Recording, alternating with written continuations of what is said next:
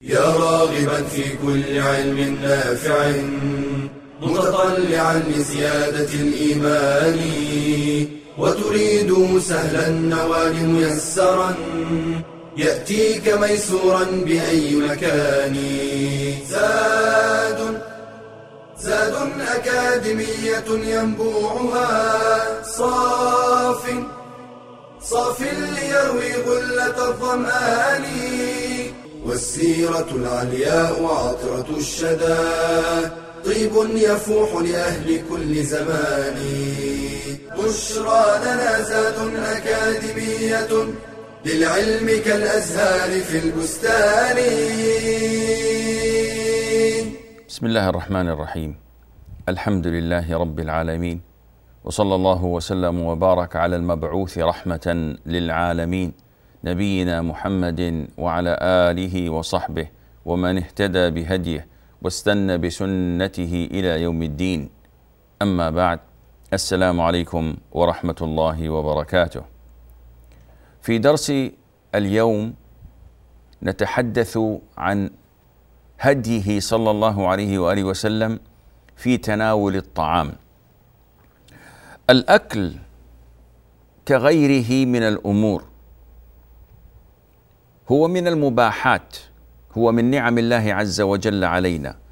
وقد ضبط الإسلام هذا المباح وجعل له كغيره من الأمور سننا وواجبات من أتى بها على وجهها تحولت من مباحات إلى عبادات وطاعات. فمن ذلك أن النبي صلى الله عليه وآله وسلم أرشد أمته إلى التواضع. فأمة محمد ليست أمة كبر وافتخار وبطر وأشر بل هي أمة المتواضعين.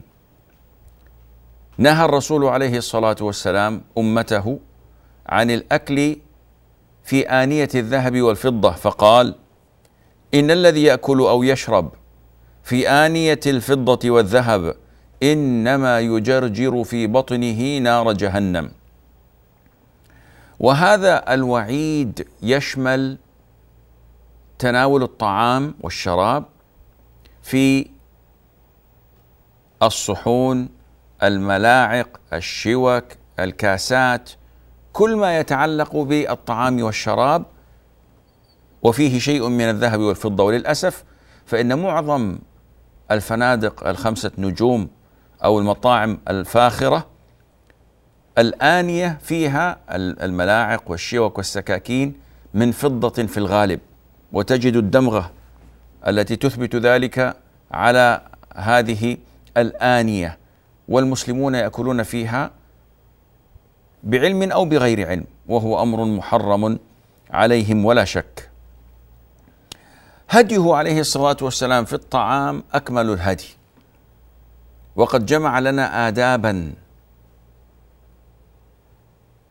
إذ رأى ذات يوم غلاما يأكل معه. تطيش يده في صحفة الطعام. فقال له يا غلام سم الله وكل بيمينك وكل مما يليك. وهذا فيه أدب رفيع.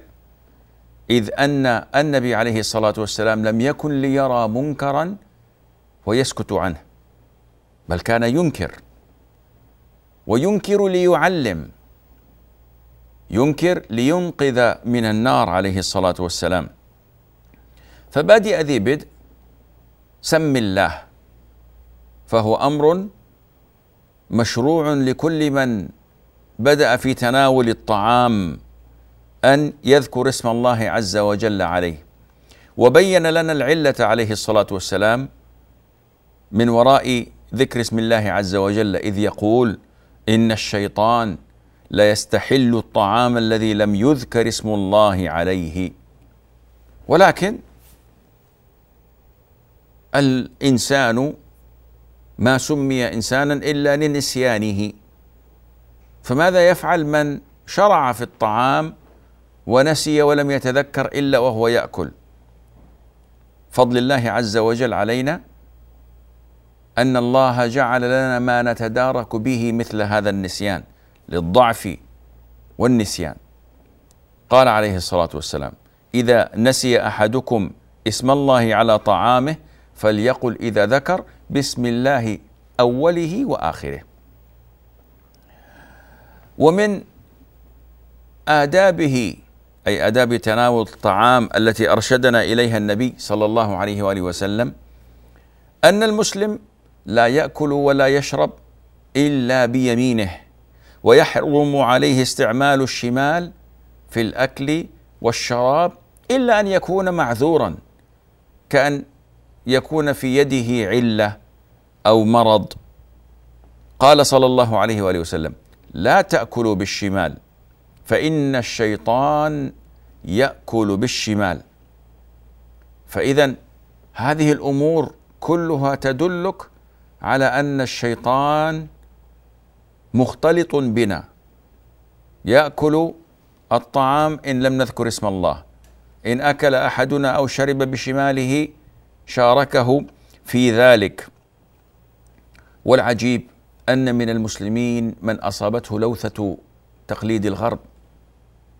فتراه لا يأكل ولا يشرب إلا بشماله. خاصة أولئك الذين يمسكون بالشوكة والسكين يمسك الشوكة بشماله ويقطع اللحم وكذا ويستنكف أن يمسك الشوكة مرة أخرى بيمينه فيأكل بشماله.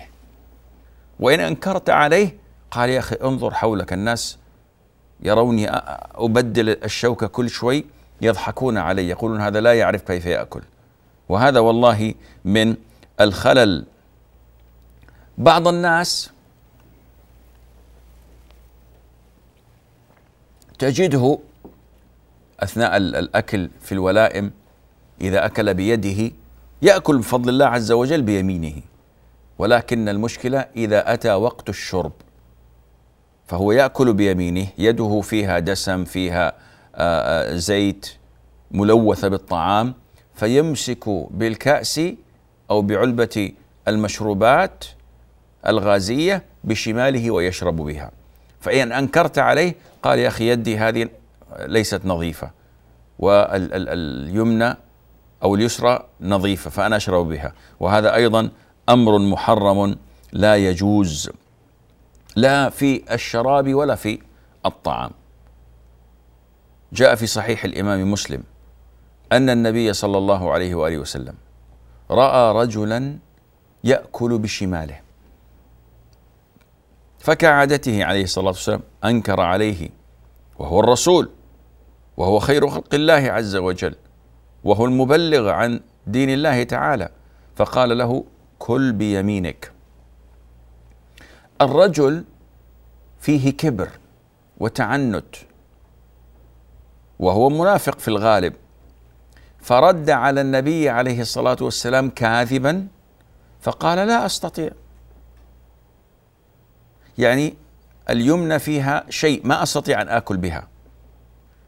فلما عرف النبي عليه الصلاة والسلام بوحي الله عز وجل له أن الرجل يكذب وأنه يستطيع أن يأكل بيمينه ولكنه امتنع عن الانصياع لأمره عليه الصلاة والسلام كبرا وتعنتا دعا عليه النبي صلى الله عليه وآله وسلم فقال لا استطعت فشلت يده فلم يستطع أن يرفعها إلى فيه.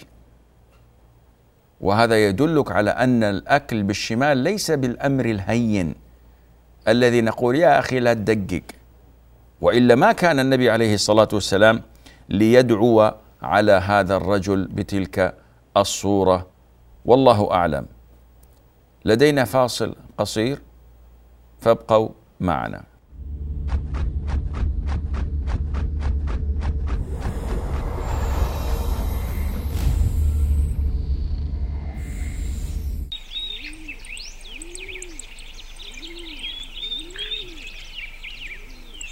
قال ابن القيم رحمه الله تعالى من ملأ قلبه من الرضا بالقدر ملأ الله صدره غنى وأمنا وقناعة وفرغ قلبه لمحبته والإنابة إليه والتوكل عليه ومن فاته حظه من الرضا امتلأ قلبه بضد ذلك واشتغل عما فيه سعادته وفلاحه فالرضا يفرغ القلب لله والسخط يفرغ القلب من الله.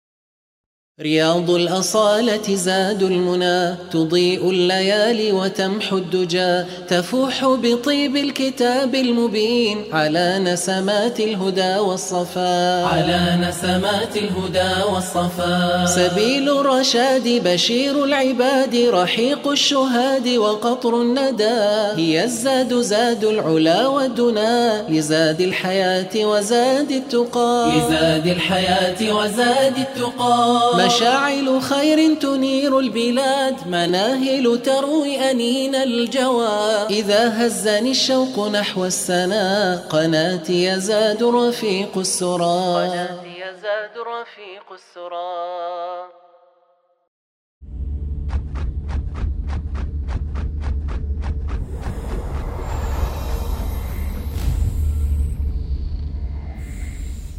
السلام عليكم ورحمة الله.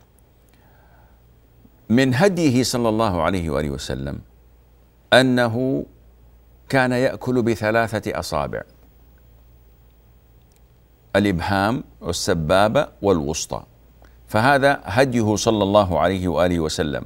قال عياض رحمه الله والأكل بأكثر من ثلاث من الشره وسوء الأدب ولأنه غير مضطر لذلك لجمعه اللقمة وإمساكها من جهاتها الثلاث وإن اضطر إلى الأكل بأكثر من ثلاث أصابع إما لخفة الطعام أو عدم تلفيقه بالثلاث يدعمه بالرابعة أو الخامسة ولا حرج. طيب النبي عليه الصلاة والسلام كما جاء في صفة جلسته كان يجلس مستوفزا على عقبيه جلسة الإقعاء أو على ما نسميه بركبة ونصف ينصب قدمه ساقه اليمنى ويجلس على قدمه اليسرى. هذا كله كي لا يسرف في الأكل. وأكله بثلاث بثلاثة أصابع من هذا القبيل أيضا. لأن المسلم إذا أكل بثلاثة أصابع لم يأكل الكثير إنما يشبع بسرعة بخلاف من يأكل بالخمس. وربما يعني يضغط الطعام ويكبسه ثم يلقيه في فمه كما قالوا يأكل بالخمس ويدفع بالراحة. نسأل الله العافية. فهذا من الشرح وهذا من الأمور التي ما هي بالمناظر الصحية الطيبة بخلاف من يأكل بثلاث أصابع. لا تجد القذارة والدهن على يده وكفه وربما ساعده. فهذه من السنن التي يعني هجرها كثير من المسلمين. ولا حرج ولا بأس مطلقا في أن يأكل الإنسان بالشوكة والملعقة والسكين فإن هذه من الأمور المباحة. لكن الإشكالية في أنك ترى من الناس من ينكر عليك إذا أكلت بأصابعك. هذا خطأ. فقد كان يفعل ذلك النبي عليه الصلاة والسلام وهو من السنن لأنه جاء بأكله بثلاثة أصابع وهو من الأمور التي فيها بركة إن لعق الإنسان أصابعه بعد الفراغ فلا يجوز لك أن تنكر. وتقول يا أخي إيش هذا؟ آه، كل بملعقة لا تأكل بمثل هذا الأسلوب. فهذا من الأخطاء. من السنن كما جاء في الحديث السابق أن يأكل المسلم من أمامه. لماذا؟ الصحن عادة ما يكون كبيرا. يتحلق عليه المجموعة من الناس. وهذه السنة. لأنه من الخطأ أن يفعل البعض ويضع الطعام في صحنه ويذهب. الرسول أمر, بالاجتماع على الأكل. وأن يأكلوا من إناء واحد. وأخبر أن البركة تنزل في وسط الطعام. فقال إن البركة تنزل في وسط الطعام فكلوا من حافته ولا تأكلوا من وسطه. إذا السبب في النهي عن الأكل من غير ما يليق هو أن لا تزول البركة عن الطعام. وقد حرم الإمام الشافعي رحمه الله الأكل من وسط الطعام لهذا الحديث. وهذا في حق الثريد والمرق ونحوها من المطبوخات. بعض الأحيان ترى أشياء هكذا تريد أن تنتقيها من أمام الناس أو من وسط الطعام. أما ما يختار منه كالفاكهة التمر الحلوى الأشياء المتناثرة وليست كالرز وليست كالإدام ونحو ذلك فقال أهل العلم لا شيء في الاختيار والأكل من الوسط أو من أمام الآخرين ما لم يكن في ذلك أذية لهم. والمسلم يبحث عن البركة في طعامه لأن النبي عليه الصلاة والسلام أمرنا بذلك. فالرسول على سبيل المثال للحصر أمرنا بأن نأكل سويا وألا, وألا نأكل متفرقين وهذا جاء في هديه وأمره لصحابته عندما اشتكوا أن الطعام لا يكفيهم. فسألهم قال لعلكم تأكلون متفرقين؟ قالوا نعم. قال فأمرهم بأن يجتمعوا على الأكل وبعدها وجدوا البركة في طعامهم. قال كلوا جميعا ولا تفرقوا فإن البركة مع الجماعة. ومن هديه عليه الصلاة والسلام أنه كان يلحس أو يلعق أصابعه بعد الفراغ. وهذا من السنن الثابتة. وذلك بحثا عن البركة. فقال عليه الصلاة والسلام ولا يمسح يده بالمنديل حتى يلعق أصابعه فإنه لا يدري في أي طعامه البركة. وفي صحيح الإمام مسلم عن أنس رضي الله عنه أن النبي عليه الصلاة والسلام أمرهم أن يسلتوا القصعة. أمرنا أن نسلت القصعة وقال إنكم لا تدرون في أي طعامكم البركة. فسلت القصعة أو الصحن أو الإناء يكون بتتبع الطعام وأخذه وأن لا يترك فيه شيء وأن يمسح الطعام المتبقي. وكما تقدم من الناس من الجهلة من يتقزز إذا رأى من يلحس أو يلعق أصابعه طلبا للبركة. وهذا خطأ. أنت إذا عرفت سنة النبي عليه الصلاة والسلام اطمأنت لذلك نفسك. وما همك؟ الناس ماذا يقولون؟ لكن لو لم يكن لك علم أو كانت عندك عقدة نقص فترى أن الغرب الكافر هو مقياس الحضارة. فتريد أن تأكل مثلهم وتفعل مثلهم وتتحدث مثلهم آنذاك فاقرأ على يعني عقيدتك والتزامك وانتمائك للإسلام. اقرأ عليه السلام. هنالك أخطاء شائعة وليست هي من هديه عليه الصلاة والسلام في الطعام. فالبعض إذا كان على طعام وانضم إليهم أحدهم فسلم قالوا لا سلام على طعام. والبعض قد لا يجيب من يتحدث معه ظنا أنها من السنة أن لا يتكلم وهذا خطأ. فقد كان الرسول عليه الصلاة والسلام يعلم أصحابه وهو يأكل معهم. كما جاء في الحديث يا غلام سم الله. كانوا يأكلون ومع ذلك علمه وتحدث صلى الله عليه وآله وسلم. والسلف كذلك كانوا يتحدثون ويتدارسون العلم وهم يأكلون وهذه حال الناس يعني عادة أنهم يتسامرون على وجبات الطعام. كذلك من الأخطاء الشائعة المخالفة لهديه وسنته عليه الصلاة والسلام أن الناس إذا وجدوا أن الطعام حار أو ساخن فإنهم ينفخون عليه أو على الشراب ليبرد.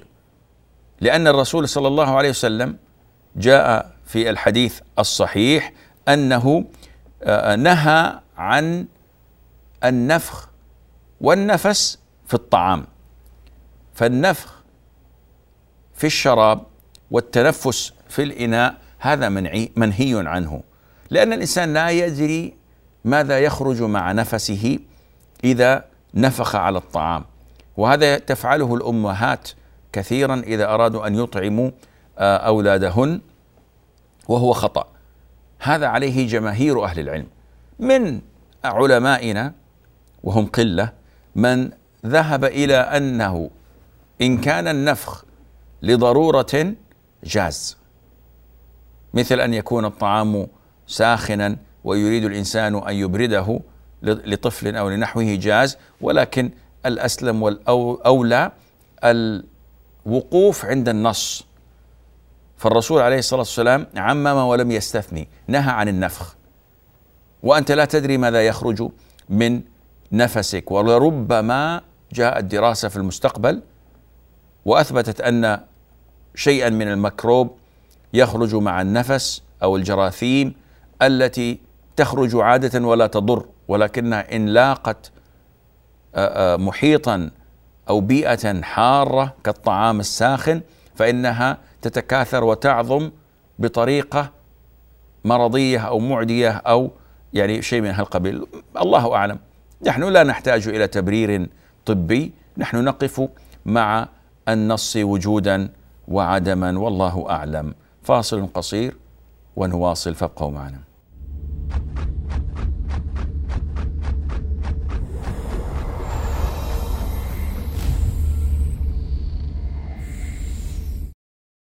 القرآن كنز عامر بالفضائل والخيرات وللوصول إلى فوائد هذا الكنز لا بد من استعمال مفاتيحه وهي آداب تلاوة القرآن.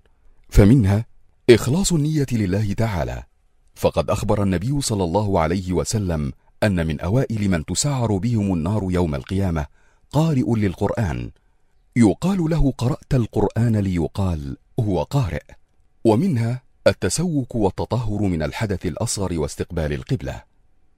وعند البدء بالتلاوة يستعيذ بالله من الشيطان. فإذا قرأت القرآن فاستعذ بالله من الشيطان الرجيم. ويرتل القرآن بتمهل وتبيين للحروف. وكان ابن عباس يقول لأن أقرأ سورة أرتلها أحب إلي من أن أقرأ القرآن كله. ويستحب تحسين الصوت بالقرآن. قال النبي صلى الله عليه وسلم زينوا القرآن بأصواتكم. وإذا مر بآية رحمة أن يسأل الله تعالى من فضله وإذا مر بآية عذاب أن يستعيذ بالله من العذاب. ويستحب الاجتماع على تلاوة القرآن وتدبره وتدارسه فقد قال صلى الله عليه وسلم ما اجتمع قوم في بيت من بيوت الله يتلون كتاب الله ويتدارسونه بينهم إلا نزلت عليهم السكينة وغشيتهم الرحمة وحفتهم الملائكة وذكرهم الله في من عنده.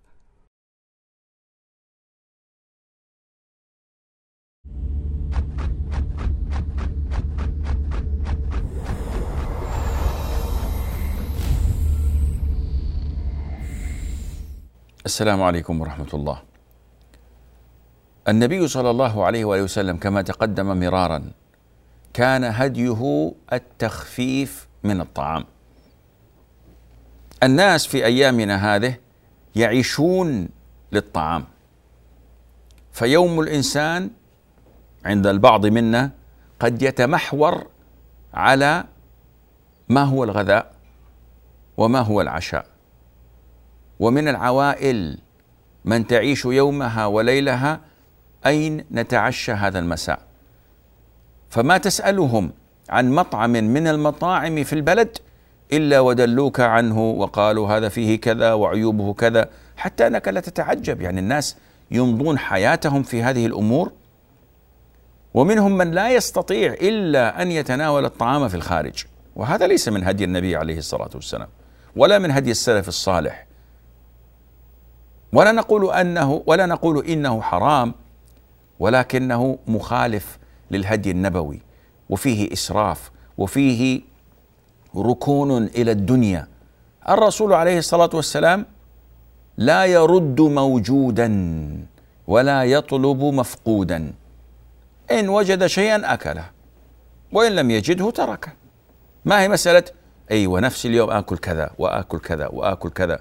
ويتكلف ويذهب ربما ساعة ليذهب إلى بعض المطاعم وبعض المطاعم ترى السرة والصف خلف خارجها يقفون الناس بنصف ساعة وربما أكثر ينتظرون دورهم ليتناولوا الطعام. أي ذل واستعباد هذا؟ قال صلى الله عليه وآله وسلم ما ملأ ابن آدم وعاء شرا من بطنه؟ حسب ابن آدم أكلات يقمن صلبه وفي رواية بضع لقيمات يقمن صلبه. يكفيك يا ابن آدم. أما قال ربنا عز وجل في الآية الجامعة وكلوا واشربوا ولا تسرفوا. قال الحكماء هذه الآية جمعت الطب كله. وكلوا واشربوا ولا تسرفوا. فالنبي يقول عليه الصلاة والسلام حسب ابن آدم أكلات يقمن صلبه فإن كان لا محالة يعني غصبا عنك حتاكل حتاكل فثلث طعام وثلث شراب وثلث لنفسه. إذا الإنسان ما يملأ بطنه. ولو اتبع كل منا هذه الوصية النبوية لا لما رأينا ما نراه من الأسقام والأوجاع وانتشار السمنة حتى في الأطفال الصغار تجد الطفل ما شاء الله عبوة اقتصادية. لماذا؟ من كثرة الأكل الحلا الأمور الغير صحية. ما كان هذا من هديه صلى الله عليه وآله وسلم. فكان يقلل من الطعام وكان عنده الشيء الكثير من الزهد في هذه الأمور التي قد تؤدي إلى الإسراف مع التوا... الشيء الكثير من التوازن. كذلك من هديه صلى الله عليه وسلم. ما فرط فيه كثير من المسلمين اليوم. أدب رفيع. ما يصدر إلا من خيار الناس. وهو خيرهم صلى الله عليه واله وسلم. أمنا عائشة تحدثنا عن هذا فتقول رضي الله عنها وأرضاها ما عاب رسول الله صلى الله عليه وآله وسلم طعاما قط؟ إن اشتهاه أكله وإن كرهه تركه. وأنت إن ذهبت تقارن هذا الهدي الشريف بحالنا لرأيت عجبا. من الناس من لا يسلم أحد من لسانه. إن دعي إلى وليمة أكل مثل الحيوان المفترس وشرب شرب الهيم. وبعد أن فرغ من ذلك كله يبدأ ينتقد الطعام. اللحم كان يحتاج إلى طي طهي زيادة. الملح قليل. الفواكه ليست متنوعة. الكذا التكيء يعيب هذه الأمور وهذا ليس من آه، أخلاق الكرام هذا سوء أدب ونقص في الأخلاق. المسلم يكون سمح, سمح الأخلاق خاصة مع أهل بيته. وكم من جهلة ضعاف الإيمان معدومي الأخلاق من ينتقد عمل امرأته التي أمضت ساعات طوال في المطبخ تحاول إرضاءه. وهذا خطأ. إن كان يمكن تدارك الخطأ فبها ونعمة. كأن يكون الأكل يحتاج إلى تسخين وتطلب بلطافة أنه سخن الطعام مرة أخرى لا حرج. أما إذا كان الأكل لا يمكن تدارك الخطأ فيه محروق. فلا خير إلا في التغاضي والتغافل وعدم جرح المشاعر ثم بعد ذلك بأسابيع بفترة إن استطعت أن تتحين الفرصة المناسبة للتذكير أو لإبداء النصيحة فهذا من الأمور الطيبة. كما يسن كما أرشد عليه الصلاة والسلام يسن للمسلم أن يغسل يديه. أهل العلم يقولون غسل اليدين قبل الطعام. وهذا من الأمور البديهية الأمور التي لا تحتاج إلى معرفة بالسنة أنه من النظافة ومن اللائق طبيا أن تغسل يديك. لكن غسل اليدين بعد الطعام هذا من السنة الثابتة.